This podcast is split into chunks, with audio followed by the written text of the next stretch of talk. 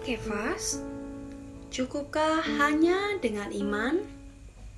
Ayat Alkitab Yakobus 2 ayat 24 mengatakan, "Jadi kamu lihat bahwa manusia dibenarkan karena perbuatan-perbuatannya dan bukan hanya karena iman." Beberapa saat setelah menerima vaksin, ada hal-hal yang dialami seseorang Misalnya demam, mudah merasa lapar, cepat ngantuk, dan lain-lain. Ini adalah reaksi terhadap vaksin yang masuk ke dalam tubuh. Demikian halnya pembenaran yang kita terima melalui iman. Perlu ada reaksi dari kita yang bekerja sama dengan iman yang kita terima. Ketika kita beroleh selamat, pembenaran yang kita peroleh di hadapan Allah adalah sama sekali bukan karena perbuatan.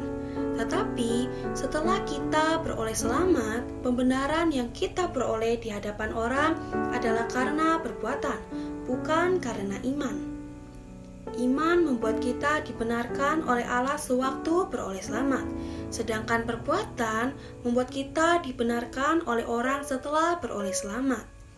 Meskipun ketika seseorang beroleh selamat, ia dibenarkan karena iman oleh Allah, tetapi setelah beroleh selamat, belum tentu karena perbuatannya ia dibenarkan oleh orang.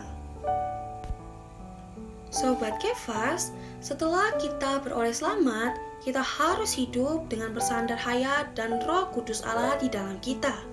Hasilnya, di hadapan orang kita memiliki buah-buah pertobatan menempuh hidup yang benar, ada perbuatan yang benar, menjadi orang yang melakukan kebenaran.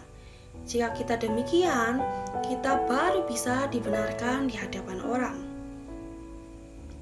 Poin kebenaran yang pertama, cukupkah kehidupan sehari-hari kita hanya mengandalkan iman? Bagaimana seharusnya?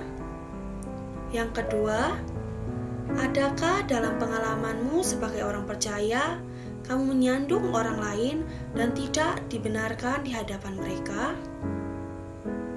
Poin doa Berdoa agar perbuatan yang kita lakukan tidak menyandung orang lain.